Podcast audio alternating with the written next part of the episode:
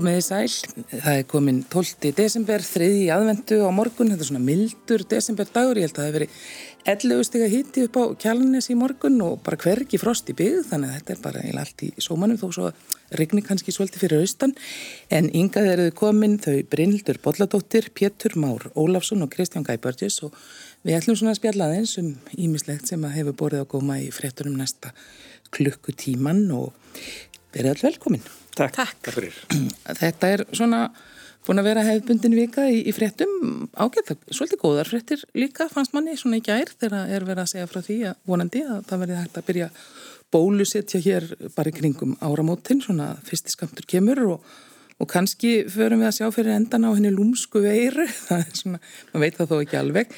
E, Brynildur, svona hvað fannst þér verið að merkast í fréttum í vikunni?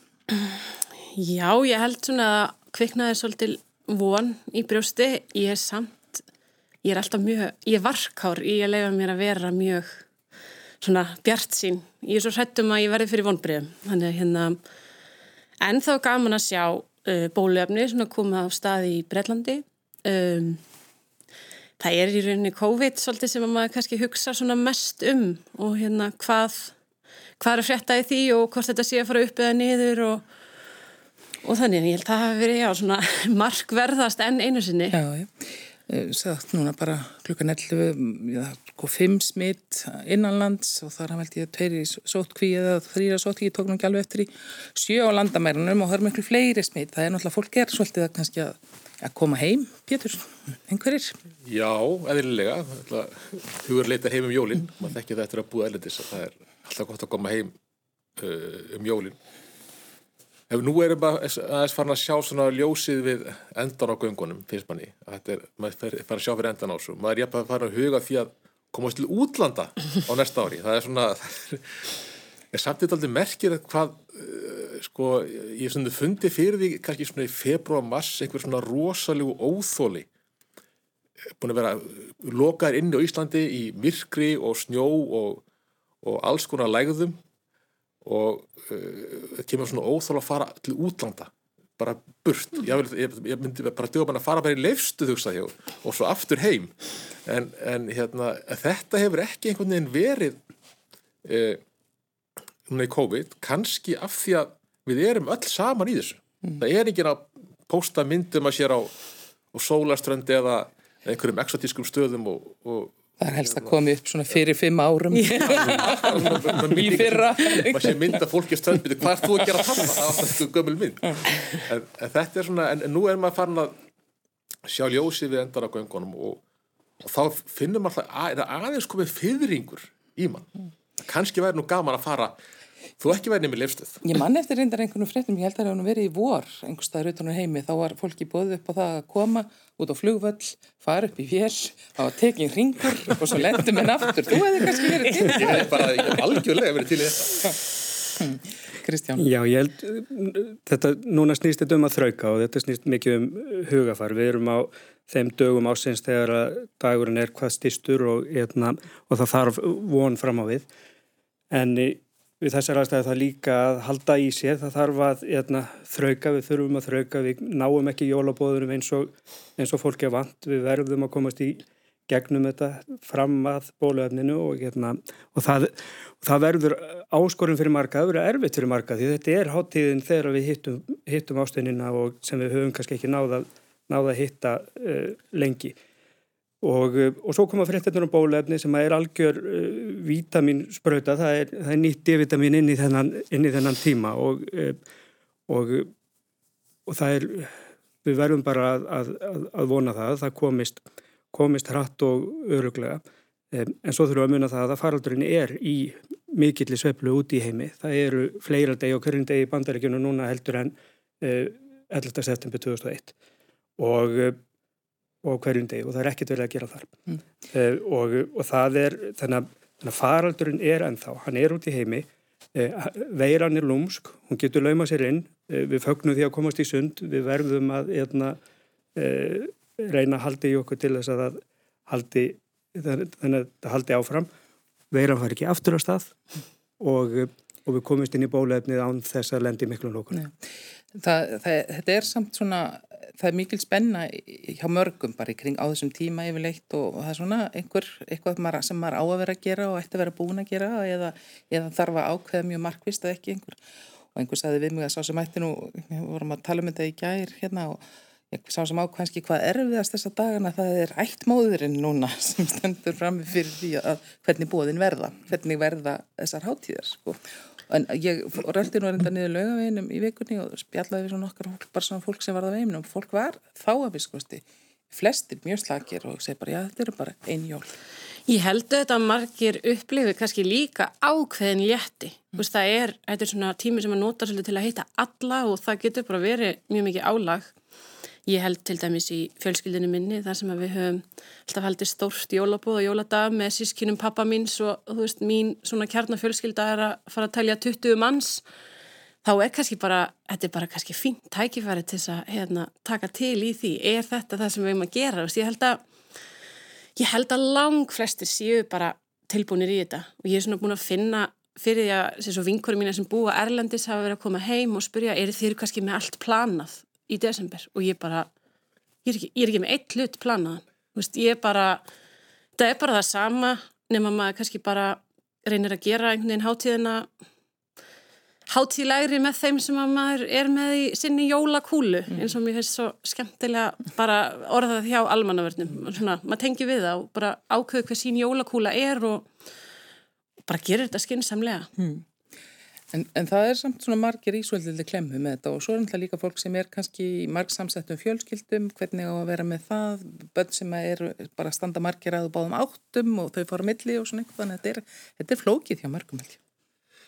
Já það er það vafalega sko og ég myndi þetta, þessar, þessar, hérna, þessar eh, fjölbreytti fjölskyldur, þessum að alls konar hérna, tengsleru, en, en ég tek undir þetta að það er, sko, það er líka ákveðin slökun og ég held ég hef aldrei upplifað sko svona rólegri mm. aðvendu, nú er ég að vísu í bókaátgáfu þar sem maður er alltaf að fara á taugum.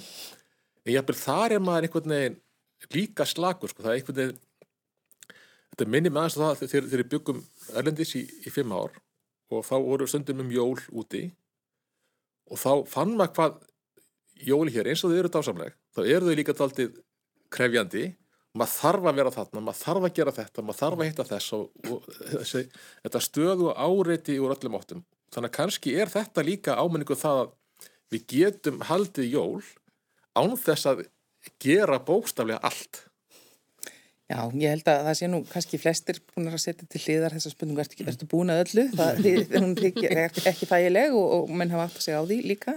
Já, maður var að baka smákökur í, í mars, þannig að hérna, þetta er átar jafn óður, en hérna, þannig að, þannig að maður er ágættir, æfingu, en ég hef líka fundið þetta í þessu, í, í þessu kófi núna í, í haust að, að það er, börnin uh, eru rólegri og jólin eru hátíð barnan og það er okkar verkefni að, að, að hátíðin verði sem, sem best fyrir þau og, og, það, og stress er ekkert gott í því. Og, og í okkar aðstæðum þá eru við með sagt, tvö, tvö grunnskólaaldri og eina á mentaskólaaldri og það er mikil munur aðstæðum þar.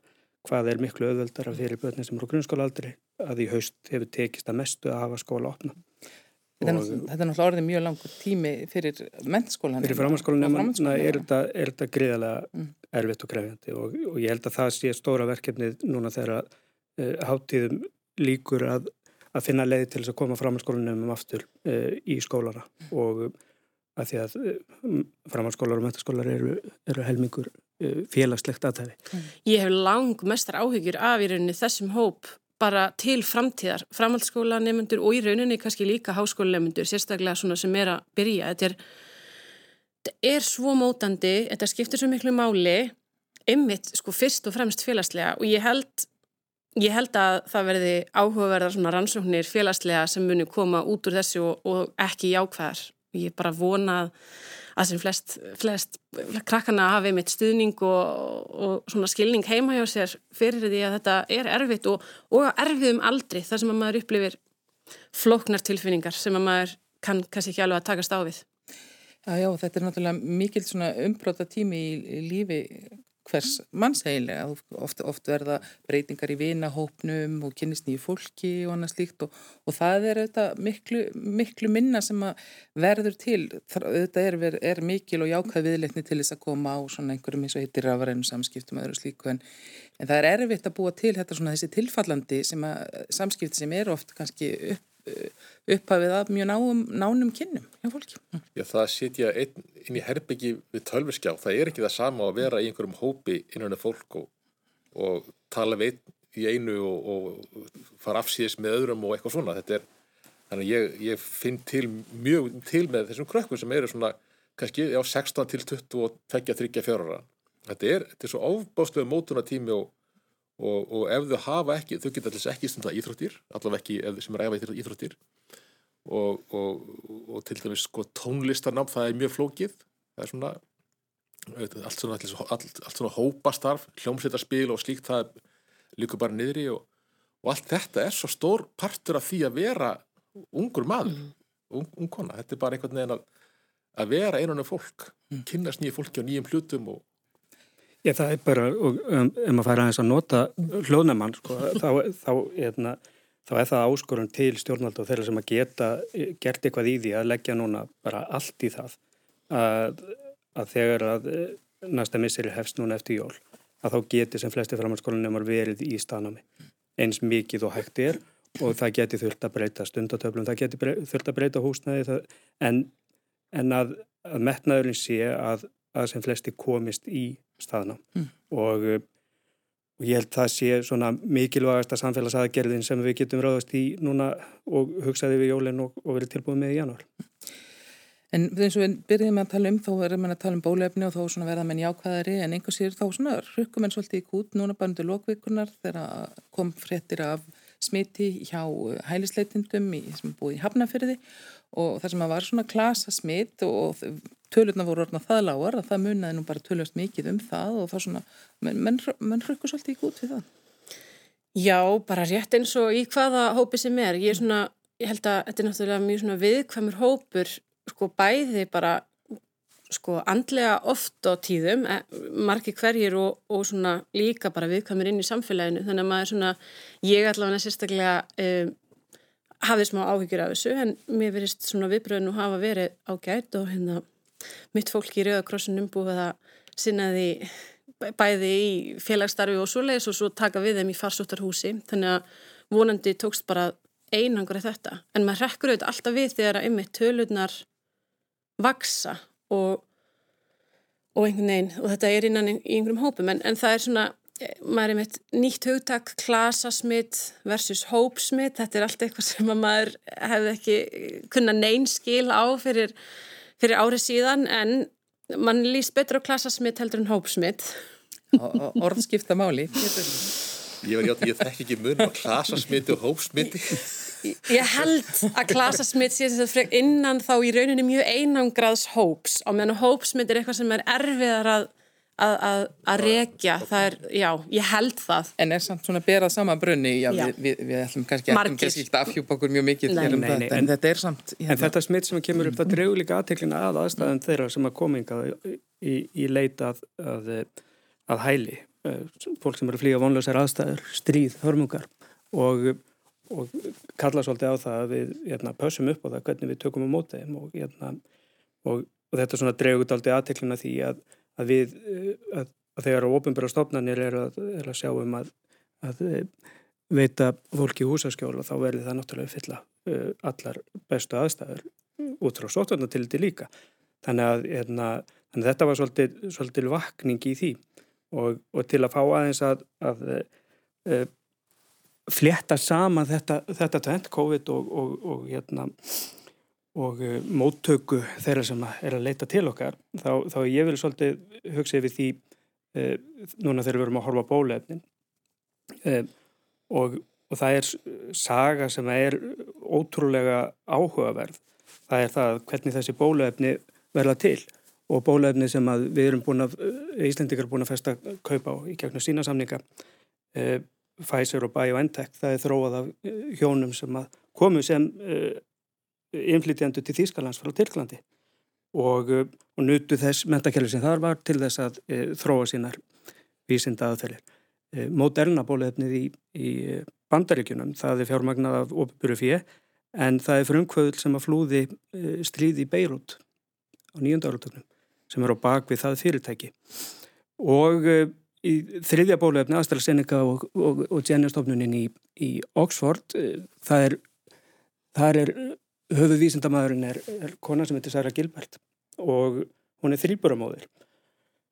Mér fundist áhugavert að fletta þetta þrengt saman til að sína það að til þess að leysa svona ótrúlega flókinmál þá þurfum við opinsamfélag, við þurfum að taka vel á móti fólki og við þurfum fjölbreytni að borðinu og, og til að tengja þetta síðan við íslensku umræðina að hávarasta umræðan á þingjun í þessa, þessa vikuna þá er þeirra nokkri þingmenn hlunguðust í ræðustóli eitthvað tíma núna í, í vikunni.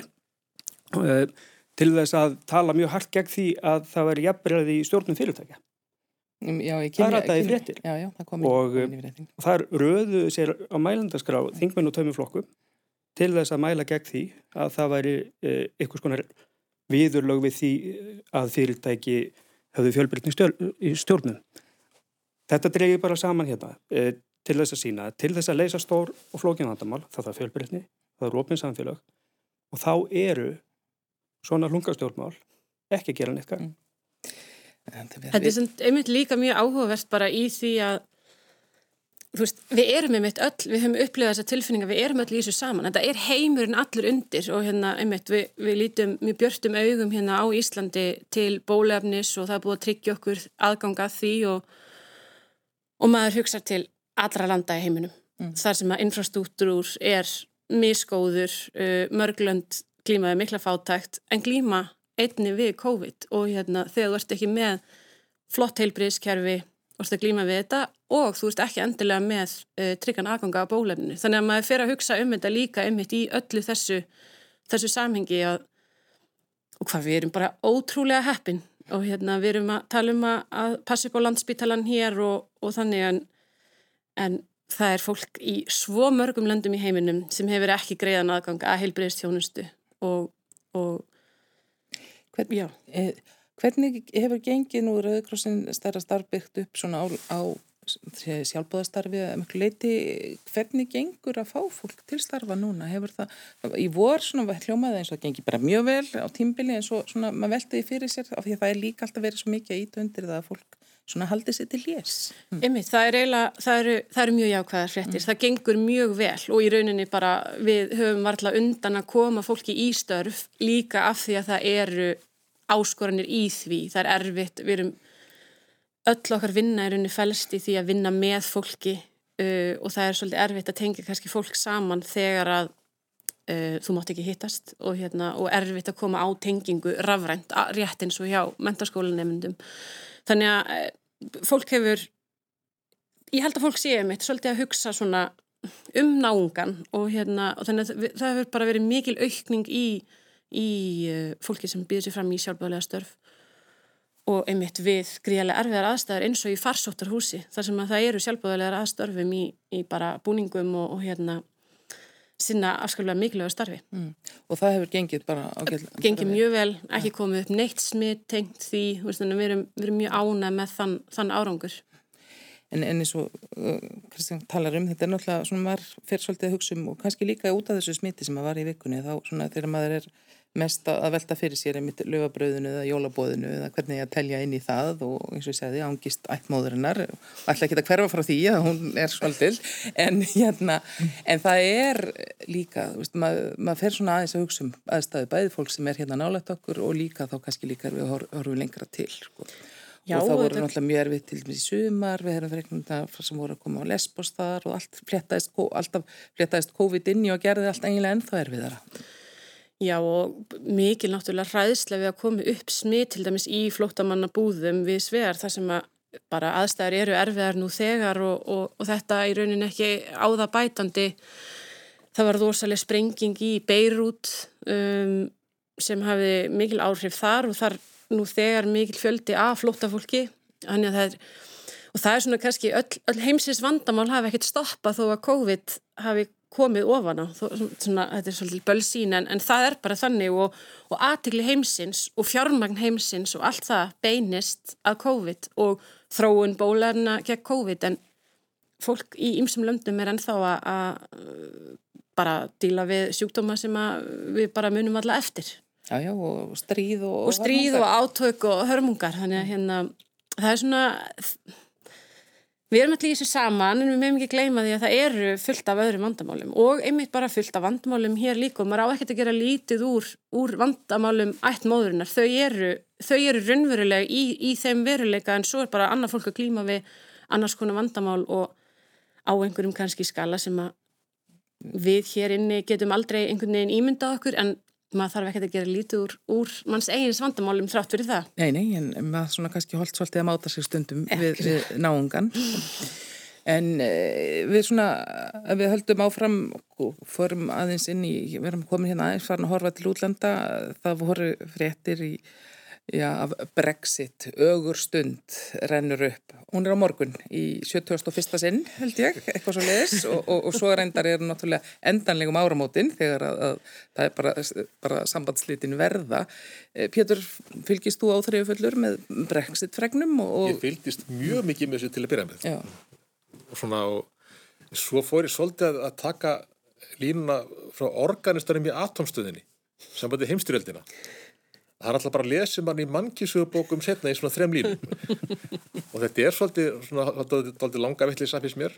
Og, og kannski líka breytar margir hverju er átt að sjá því að þetta kannski var ekki mjög sniðugt allavega ekki mjög útugsa hjá þeim. Og menn sem að tölu hart fyrir útgöngu að til að verðndarstarfi þeir eru núna að fara með versmiður frá Breitlandi til Evrópu, þannig að þeir tala þvert gegn eh, hérna sinni stefnu það sé að gera þvert á það sem þeir ætluðu sér. Og síðan er líka þessa fréttur um, um breyta sem eru æfir yfir því að nú verður getur ekki verið allt árið lengur í sínum sumarúsum í Fraklandi og svona og þannig að minnst þetta vera bara, getur rugglaðum en, en auðvitað eh, ber maður virðingu fyrir skoðunum þeirra sem að sem að eh, kusu að, að hérna að fá, fá aftur stjórn eins og var nú slagvarið hjá þeim. En, en ég held að þetta sé rosalega eitthvað ítla ígrundað allt saman því miður. En svo er þetta líka með svona veltið fyrir sem svolítið, það er svona þófi gangi, það er þófi gangi, þetta er svona svolítið eins og endalösar, endalösi kjærasamningastundum sem að svo rekkur stundum svo, svona korter í tólf eða, eða fjögur eða fimm eða eitthvað um nóttina þegar mann allt í einu nás og einhver niðurstöð vegna þess að alltaf verður að finn fást Það mjög alltaf endanum, eins og segir sko, mm. menn mjög taka þá, það er kortir í, mm. í þrjústemninguna eða eitthvað að, að, að klára málið. Og þá ventar eru báðir aðeila með einhvern svona einhverja lendingu í huga sem að, og svo verður skrifað undir hérna í mitt á enn einni ögur stundinni.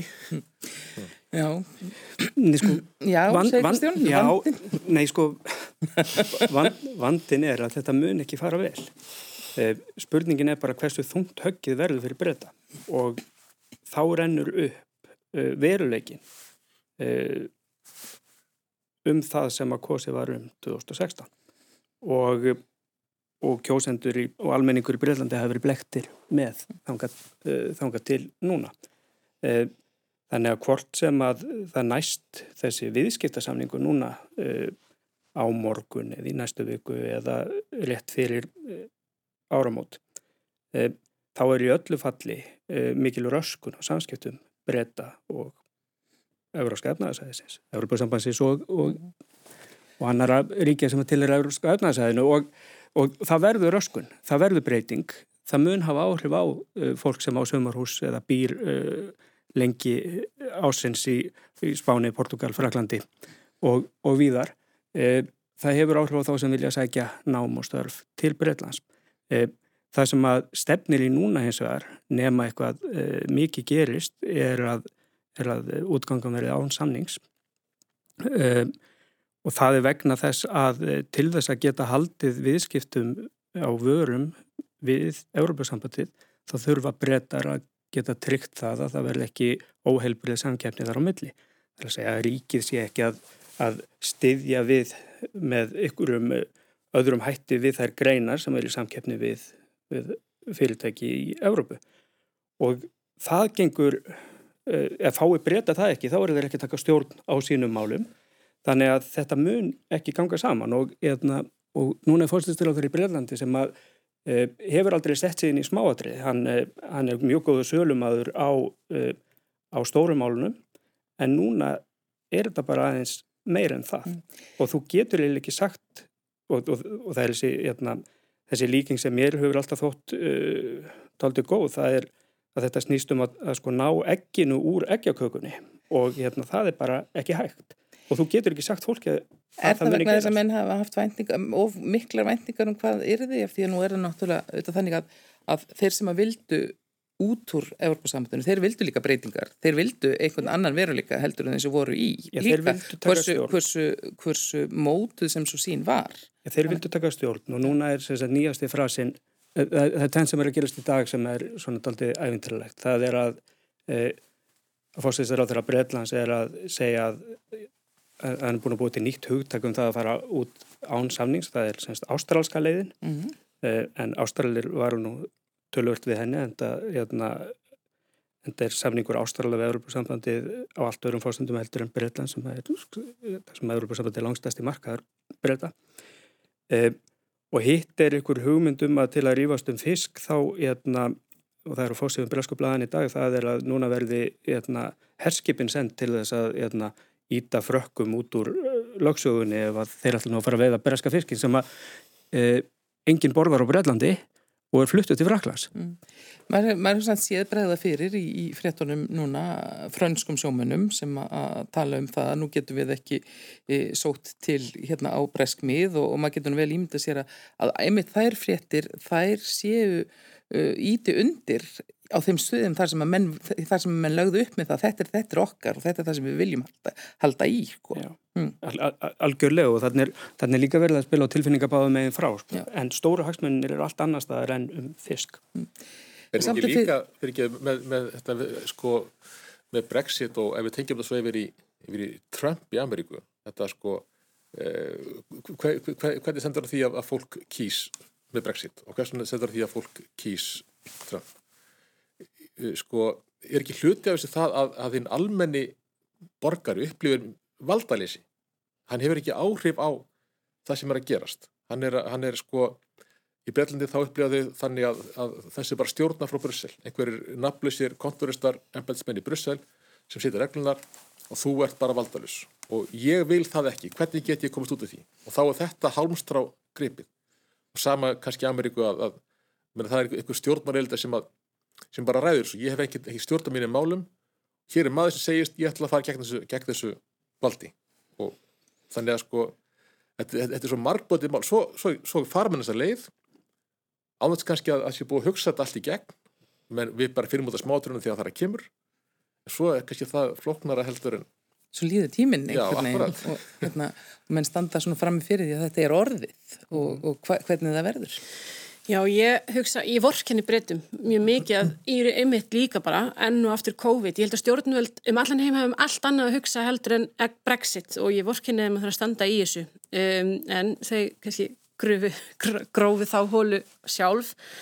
Uh, en ég er kannski mest einmitt hrætt við þetta eins og Kristján nefnir að veist, senda herskip út og það er svona einmitt grunnstóðir Európusambandsinn sem að maður hefur kannski smá áhyggjur af af hverju það var stopnað og, og hérna og, og hvort að hvort þetta sé einhvern veginn uppafið af, af brotinni Evrópu sem maður geti haft mjög alvarlegar og erfiðar afleggingar og, og jáfnvel með mjög erfiðar heldur en COVID. Það er svona læðist aðmenni svona smá hrollur hvort að einhvern veginn það getur bara brotist út stríð.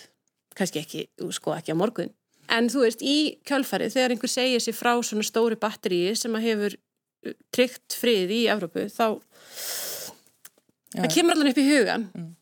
En svo segja menn líka samtímin að það er til menn eru auðvitað og hversu, hversu fráleitt sem það er að vísa til Ástralíu sem er hinum einn og nettunum einhvern veginn, þá er það samt ekki þannig að þetta sé eini veruleikin sem er fyrir fullvaldaríki og við erum í samskiptum við bæði breyta og Evropasambandið og, og þetta hefur einhver áhrif á okkur, þannig að menn með kannski ekki veist, verði, veist, þetta er að breytast, þetta bara er orðin hlutur og menn verða að finna útrú. Mm. Já, en e, breytar og Európuríkin sem að liggja næst Breitlandi munu þurfa að eiga í viðskiptum áfram og þau munu þurfa að finna einhverja leið til þess. Eh, en, en það sem við erum að, erum að glíma við er að eh, sá veruleiki sem er verið að sem, þeir sem hafa tækinn til þess er að selja almenningi, eh, hann stennst ekki alveg þegar að, þegar að holminu komi og það er hægt að lifi blekkingun í eitthvað tíma og það er hægt að eitna, uh, veifa þessu framann í kjósendur í eitthvað tíma en svo, svo rennur það upp uh, einn daginn. Uh, það er reyndat aldrei merkilegt að Brexit hefur leitt til þess að stuðningu við Európa-sambandið í Európa-sambandsríkjunum hefur aukist og, uh, og meira segja öll sem að hafa uh, ætlað að fara sömur leið þau eru að tapa miklum stuðningi annars það er Európa. Þannig að Európa-sambandið hefur í raun styrst uh, mjög mikið hjá þeim sem að eftir, eftir eru. Það er endar önnur, önnur mál sem eru, sem eru líka erfið sem eru populista stjórnir, lískulmöra stjórnir í í Ungverðalandi og Pólandi en, en svona yfir, yfir heldina þá hefur Európa-sambandi styrst í gegnum þetta. Eh, það mun þurfa að finnast ykkur leið en, en spurningin er bara eh, hversu nálagt hún verður því sem að eh, breskir ráðamenn hafa verið að selja sínum, sínum almenningi. Mm. Eh, Pétur nefnir líka bandaríkinn. Þar er gríðarlega alvarlegt mál í gangi akkurát núna sem er það að, að eh, fráfærandi fórseti eh, viðukennir ekki ósegur. Það er 80 miljón manns búin að kjósa hann út. Eh, það er 7 miljón manna munur á þeim sem hafa kusu bæten eða Trump. Það eru 50 málsóknir sem að Trump hefur tapað. Hann er að nota það afl sem hann hefur þess að grafa undan líðræðin í bandaríkunum. En En hefur nokkuð trú á því samt að það verði ekki þannig að í januar þá muni Joe Biden verða hérna taka við ennbætti? Já, en tröstið í samfélaginu, mm. það, er, það er stóra vandamálið. Og Því að nú er þetta ekki fyrst skipt sem menn hafa viðfengt svona fram eftir nokkru, bara viðfengt og sé líka á miklu stærra skala. Þetta, sko. þetta er algjörlega gjörólíkt, þetta er algjörlega gjörólíkt því sem að gerist ára 2000 í, í, í Florida. Þarna er... Uh, það, það var raunverulegu vafa á því hvernig átt að telja, hvernig talningavélarna virkuði í Flórida og það var fylgið sem að reyða úslitum um þær kostningar. E, þetta er allt annað, þetta er e, algjört gjörtap sitjandi fósetta e, sem hann neytir að viðkjöna en það er ekki bara hann heldur er það flokkurinn sem að hann ríkir yfir. Það eru yfir hundrað þingmenn í fulltróðadeildinni sem að styðja málsók það sem að á að ógilda verið að reyna að ógilda úslit í fjórum fylgjum. E, það var sem betur fyrr, það er réttur bara að vísa þetta frá, frá. Í, í, þannig að kerfið er að virka en það er verið að grafa undan tröstinu. En það kemur mér samt líka smá óvart, það ekki bandri stjórnkerfi ekki mjög náið að þannig en áttum með á því hins vegar að dómarar til dæmis eru, eru kostnir og pólitíst kostnir og það var það sem ég hugsaði strax sem að það var í hrettur við að þeir myndu kóa með þessu þannig að það er svona það jákvægt í því að það sé allavega ekki niðurstaðan hjá allir þessum domstólum og í, í hestarætti bandaríkina að þessu sé bara að vísa frá í appverð þrátt fyrir uh, pólitíska skoðanir dómara. Já, við bara höldum áfram að fylgjast með, fylgjast með því þegar klukkan er 25 minútur, en vantar 25 minútur í 12 og þau sitja hérna hjá mér Brynildur Bolladóttir, upplýsingaföldru Rauðakrossins, Pétur Már Ólásson, útgefandi hjá Bjarti og Veröld og Kristján Gæpörgis, allþjóða stjórnmálufræðingur og við höfum svona verið að horfa aðeins út í heim e, aðeins að spyrja þið Bryndur þannig kannski ekki hérna frétt sem kom í gær og var náttúrulega búið að vera mallandi í gær, það var það með S.A.A. sem að ætla að hætta að taka þátt í Íslandsspilnum sem að reyka spilakassa og, og menn tala um það að það sé bara ekki sæmandi að, að menn sé að taka fjö af fólki sem að sé að spila frá sér ráð og rænu, kannski mögulega e, Rauðkrossin er líka þáttakandi í Íslandsbylnum og hefur fengið tölvöld, þetta eru tölvöld miklu peningar sem eru öllur 10 miljónar sem eru þann undir eða meira og þið ætlaði að halda áfram að taka þetta, það hefur nú verið skorað á Rauðagrossuna að hætta þeim. Já, uh, það eru þrýr, hafa verið þrýr eigundur að Íslandsbylum, Rauðagrossin, Landsbyrg og S.A.V. og S.A.V. tók ákvörðun í gærum, að, stjórnin tók ákvörðun um að draga sér út og í rauninni er staðan bara svo að Rauðagrossin getur ekki án þessa peninga verið. Mm. Það er rosalega mikilvægt fyrir Rauðkrossin að vera ekki aðeins háður stjórnvöldum. Við fáum mjög marga styrki frá stjórnvöldum sem eru gríðarlega mikilvægir en til að tryggja sjálfstæði félagsins þá, þá þurfum við að hafa eitthvað sjálfsafla fyrir. Spilakassir eru ekki einhver fjáröflun sem að Rauðakrossin er mjög mikið í muna að vera í. Um, og þessi fjáröflunuleg hefur verið á mikillir niðurleið. Þetta er sko kemur allt frá tíkallakössum sem, sem að ég kannast ekki við, man ekkert eftir en mjög margir muna eftir Þa, það, það, það var sko kunst. það til leikni. Það, til leikni. Það eru svona... Hérna í aldrei sínum. Sko. það eru stóðirnar og, og hérna um, það er Það er verið að leita allra leiða til að abla fjö með mánalögum, styrtaræðlum og, og hérna, stopnun á, á sjálfbarni sjóð og ímsu og hérna, syns, þetta er ekki, þetta er ekki keppi, keppi keppli að vera í þessari fjárflögin en hún er nöðsynleg. Einn rauksendi sem hefur verið frá já, landsbjörgu líka tala um það að þetta er svona leið sem að í raun og veru ríkið býr til fyrir þessi samtök til þess að búa sér til peninga og, og það þurfur þá eitthvað annað að koma til. Já og, og náttúrulega þetta er svona, það er, það er samkefna þessu markaði líka, Haftrætti Háskólans regur uh, guldnámuna og svona en þú veist, þetta, þetta er löglegt. Um, Hvað er þetta miklu peninga sem voruð eitthvað sem veistu það? Nei, Nei, ég er ekki með það á hreinu en þetta, þetta hefur verið á nýðuleið uh, undanfærin ár. Og það, þannig að þú veist það það er alveg ljóst að þetta, mm. þetta mun ekki eh, verða til eilíðar. Og, og það er náttúrulega snýst fyrst og fremst um það að fólk spilar á netinu og mikið náttúrulega veðjað á íþrættur og þannig sem að hérna sá peningu feir bara út úr landi sko hann, hann fyrir ekki einu sinni í góðmálefni.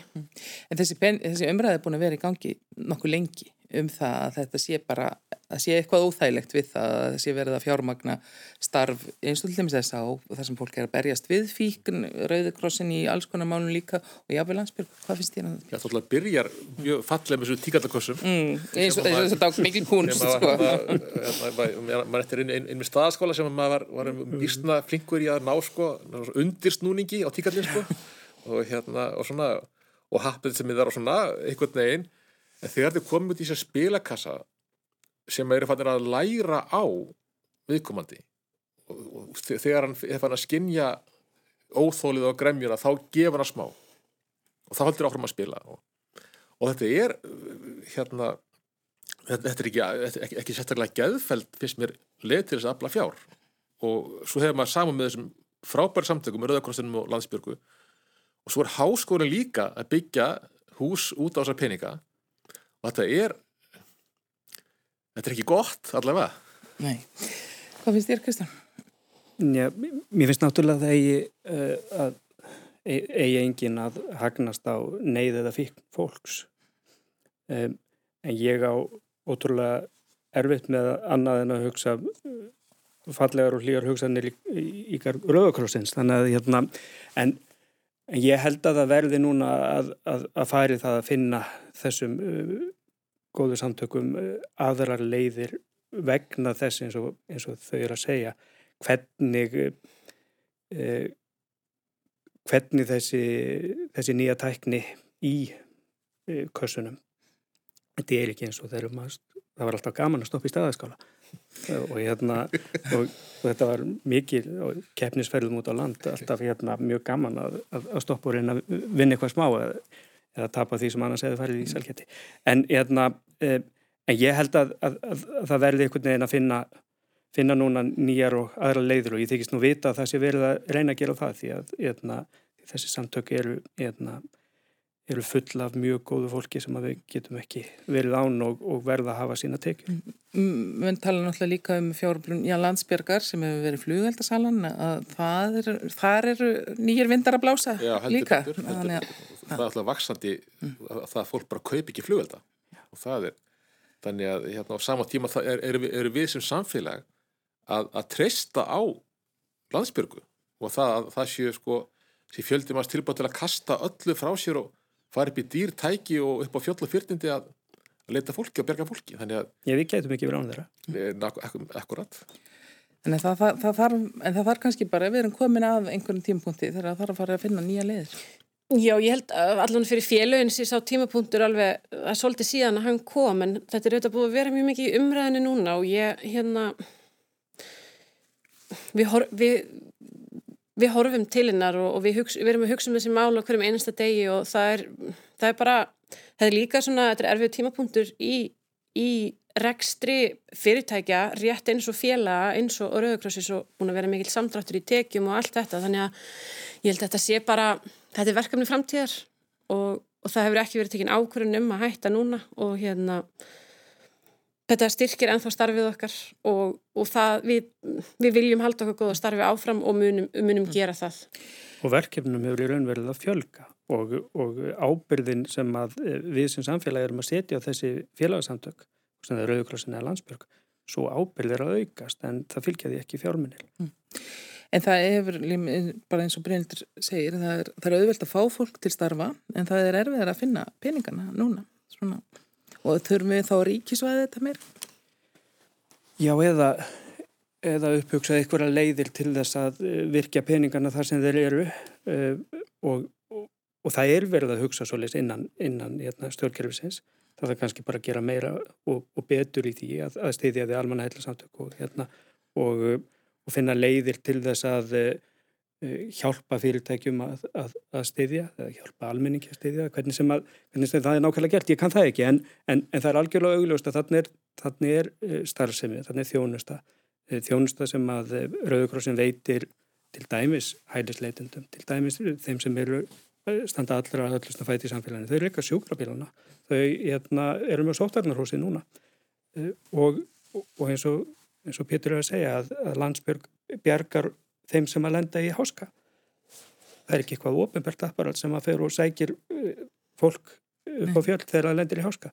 Heldur eru það þessi samtök og, og meðan við felum þeim þessa ábyrg sem að mér finnst þau standa hérna, mjög vel undir þá þarf að finna leði til þess að virka peningar. Það er eitt frumvar fyrir þingi núna um uh, að fólk geti fengið skattalækun uh, gegn framlögum til almannahella félaga sem er mjög jákvægt og það er líka, ég held að, að svona með öllum, öllum talum lofslagsbreytingar og, og hamfara hlínun og allt þá séu líka fyrirtæki mjög að vakna í sinni samfélags ábyrð og um, bara eins og hjá Rauðakrossunum Marel uh, hérna ánafnaði Rauðakrossunum eina miljón evra til þess að stiðja við, við fæðaðarstóð í, í Suður Sútan og þetta er náttúrulega bara ótrúlegt fordæmi sem að þau eru þarna að setja sem að ég vona að fleiri fyrirtæki föti í fótsporin og, og síni, einmitt svona sína samfélagslegu ábyrð í verki og, og komi fjármagni til skila þar sem að áþarf að halda. Nefnir svona skopum svona til og frá því að Pétur situr hérna hjá okkur, við erum að, á aðvendunni og það er svona stýttist í jólinn, þetta er nú vertíðin, bókaflóðið og all, all, all, allt svo klísja en hún er alveg sönn en þá er það ekki og það hefur gengið þokkalega vel að selja bækur núna fyrir þessi jól. Það gengið feikilega vel að, að, að hérna, selja bækur og, og margt góðra bóka sem kemur út og, og, og hérna, það er stemning í samfélaginu fyrir bókum. Nú er að þessu höfundar ekki að fara á milli og lesa upp, heldur sitja þér heima og kannski lesa fyrir kannski 300-400 manns í einu fyrirtæki sem hefði verið óhugsandi áður. Þannig að þetta, þetta opnar líka ákveðnar svona nýja leiðir. En það er eh, minna, þegar, þegar COVID brast á núna í, í vor þá uh, má segja já, við allavega lendum í miklu vanda vegna þess að þá hætti fólk að fljúa og í leifstöð hefur, hefur fjörða hver kilja í landinu verið selt Þannig að þarna mistu við út eitt fjörða af markanum utan jólavertíðar. Þannig að við vorum nokkuð uggandi fyrir höstið.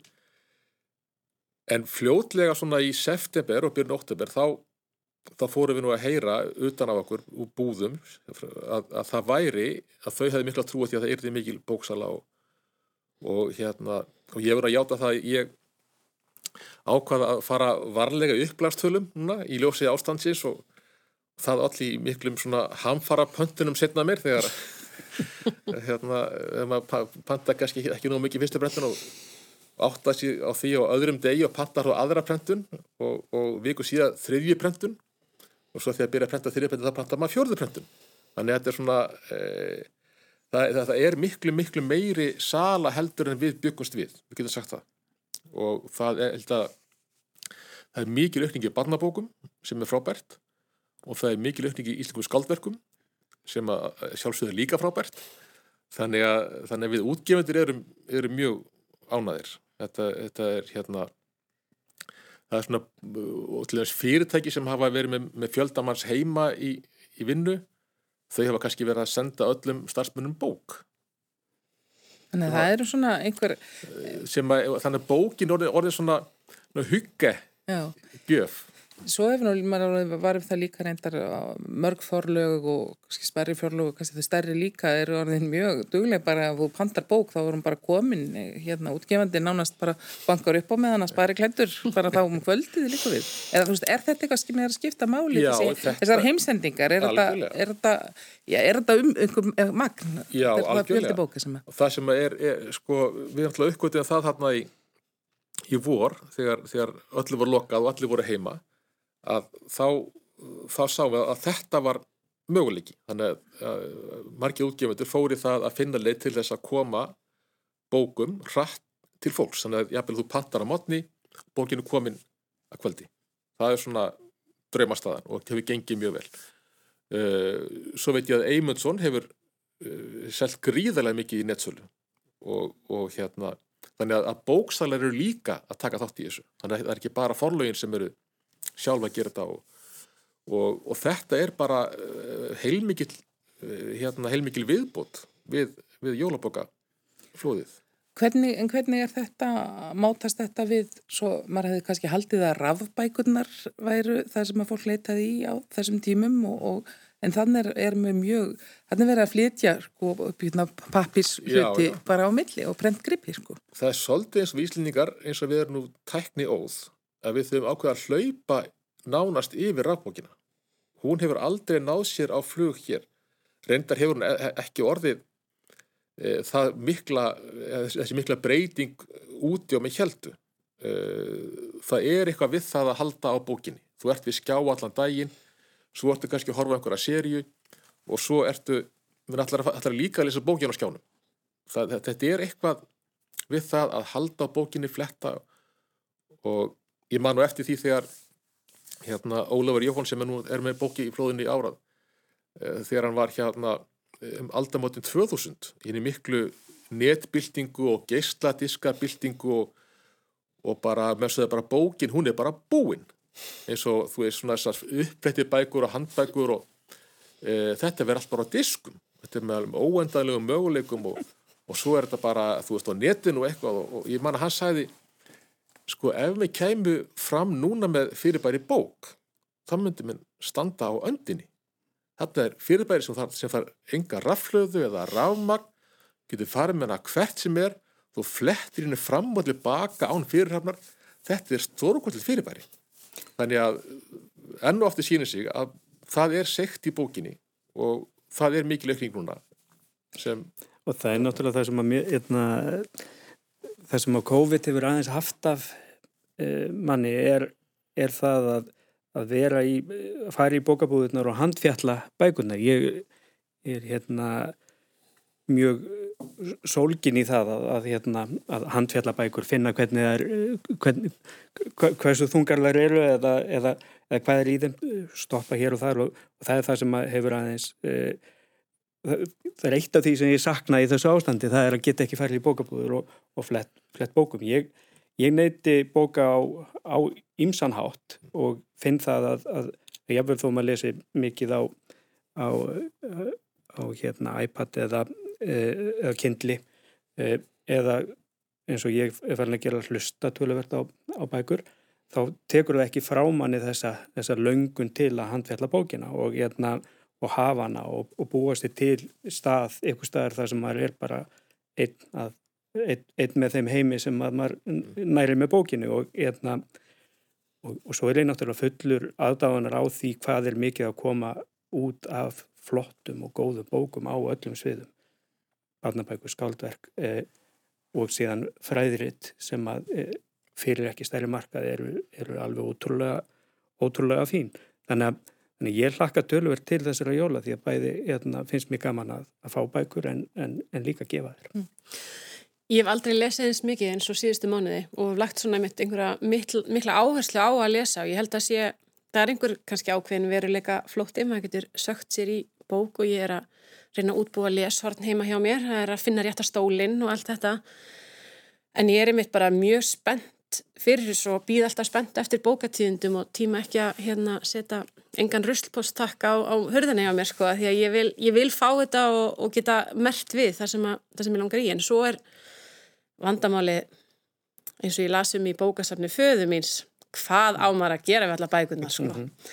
Þannig að maður þarf að vanda vali líka vel og, og nýta sér svo bókasafnu þegar maður getur. Ég, svona, ég reyna að hérna, fá eigulegar bækur sem ég mun vilja lesa oft í, í jólagjafir. Hefur þú lesið alla bækurnar sem er upp í hillu í stofinu hefur? Nánast allar. Mm. Ég, já, svona. Ég, svo þegar ég hérna, kynntist kærastanum mínum þá auðvitað samkryllaðist okkar bókasapn sem er nú stórt móment í, í öllum samböndum og ég kannski ekki lesi allar hans en lang flestar. Svo er líka gott að, að, að vita bók upp í hillu að því að allar lesa það er nefnilega sko til að geta grípið í hann og flett upp í hann og, og hérna svo bækur opna fyrir manni heim og það er rif fyrir manni orðu ég maður til með að koma á orði sem ég, að ég var að lappa með tíkinni í morgun og var hlust á gerflu sem að þið voruð opna hérna á rúf þá stórkostluðu bók í lestri Haldur Slagsnes sem hérna er alveg einstakur og, og hann er að tala um, um trúbóða upp úr árið þúsund á tímum Þorgis Háastunar og Þormós Kolbranskálsson Þetta að vera aðeins að vera tilhættingar fíbl. Tilhættingar fíbl. og ég fór að betta upp hvað hérna og það er ekki skýring á sig nema það er, það er engin notað orð. Nema, nema það, þessi, þessi nema. Nema einu bók. Mm. Og, og það var skýring sem að það gerði kænslubók útgáða gerflu fyrir 30 árum. Þetta væri sérst ævintýra gert maður að glanni. En það næri ekki alveg þessu, ha, þessu intæki en bara að heyra, að heyra þetta orð að þægla bara bara gerði dagi fyrir mér mm.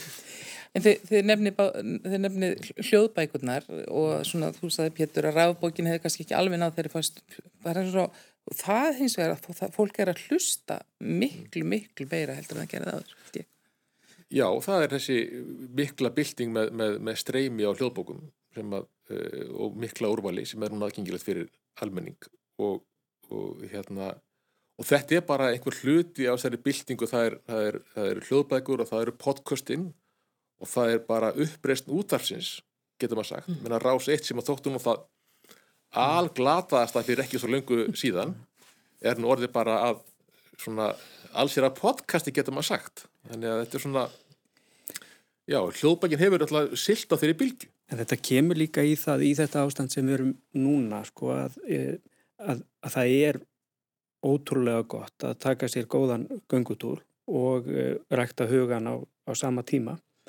Uh, stundu þarf maður algjörð næði og vill ekki hlusta á neitt, stundu þarf maður tónlist, stundu þarf maður eitthvað, eitthvað, eh, eitthvað stutt og fróðlegt en, en svo er, og ég hef upplöfað það, að, að, að sökva sér í bók og lappa aðeins lengur í hring, það finnst mér alveg stórkostlega notalegt og, og, og gott sjálfu. Mm.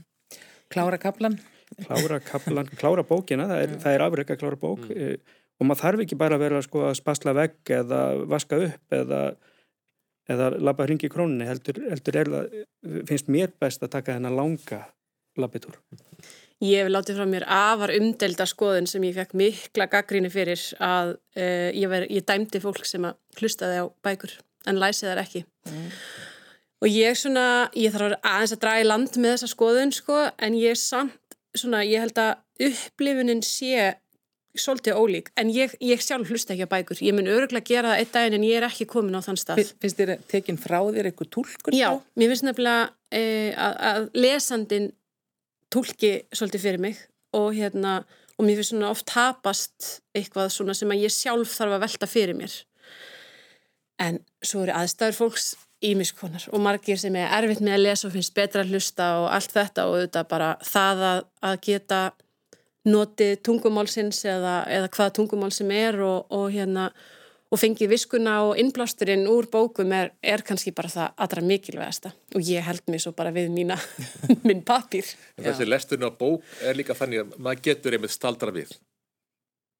Bakka það þess. Maður þarf ekki að, að fykta í tæki til þess að, að, að gera það. Þannig að þetta er svona, hinn, sko, hinn efnislega bók er alltaf þetta til, til staða fyrir okkur. Mér finnst maður muni betur eftir bókun sem maður lesa á pappir heldur en til dæmis á spjaldi. Ég, einhvern veginn, þær, þær, þær, þær skemmta mér alveg og þær hrífa mér með, með mér, mig með á meðan ég er að lesa þær, en mér finnst einhvern veginn að því að maður tengir ennþá miklu meira við pappirinn, hlutin, kápuna heldur en veist, textin á, á spjaldinu, hann er alltaf mjög svipaður og svona, þannig að þetta er kannski, það er eitthvað, það er eitthvað öðru vísi, Já. einhverju liti.